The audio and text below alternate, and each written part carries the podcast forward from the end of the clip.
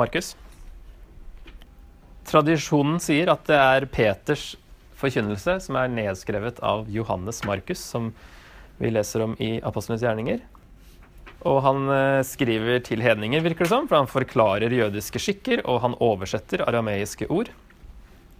Så en vanlig tolkning er at han skrev til kristne i Roma, som ble forfulgt år 64-68, etter at Roma brant i 64, og Nero skyldte på de kristne, så ble det en forfølgelse. Den første, som, første forfølgelsen som ble ordnet fra myndighetene.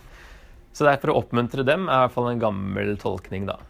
Poenget er å vise Jesu autoritet og kalle til disippelskap. Og en tittel kan være 'Jesus kom som en lidende tjener, ikke som en erobrende konge'. Og så en veldig enkel struktur på Markus. To deler. Først en hemmelig Messias. Jesus vil ikke at de skal si at han er Messias.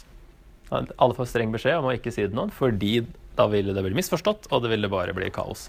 Fordi de forventa en helt annen type Messias. Geografisk er han da i nord, Galilea og i områdene rundt der oppe. Og at det er en demonstrasjon av Jesu autoritet da i første halvdel. Og så andre halvdel så er det åpen Messias. Da er det greit at, at de kaller han Messias.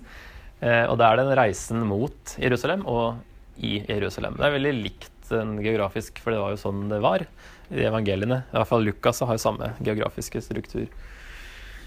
Og da er det Jesu autoritet som testes i lidelse, kan vi si, om del to. Men spesielt for Markus evangeliet er det at det er det korteste evangeliet. Faktisk veldig mye kortere enn de andre. Det holdes for å være det eldste av evangeliene også. Og denne hemmeligheten om Messias er da et vendepunkt som skjer i slutten av kapittel 8, når Jesus spør hvem sier dere at jeg er? Og så kommer Paulus, nei, Peter med sin bekjennelse eh, om at du er Messias. Og så etter det så er Jesus mer åpen for at de kan si at han er Messias, for da begynner det å gå mot slutten. Så når han står foran øverste presten, så innrømmer han det da som til slutt at ja, han er Messias.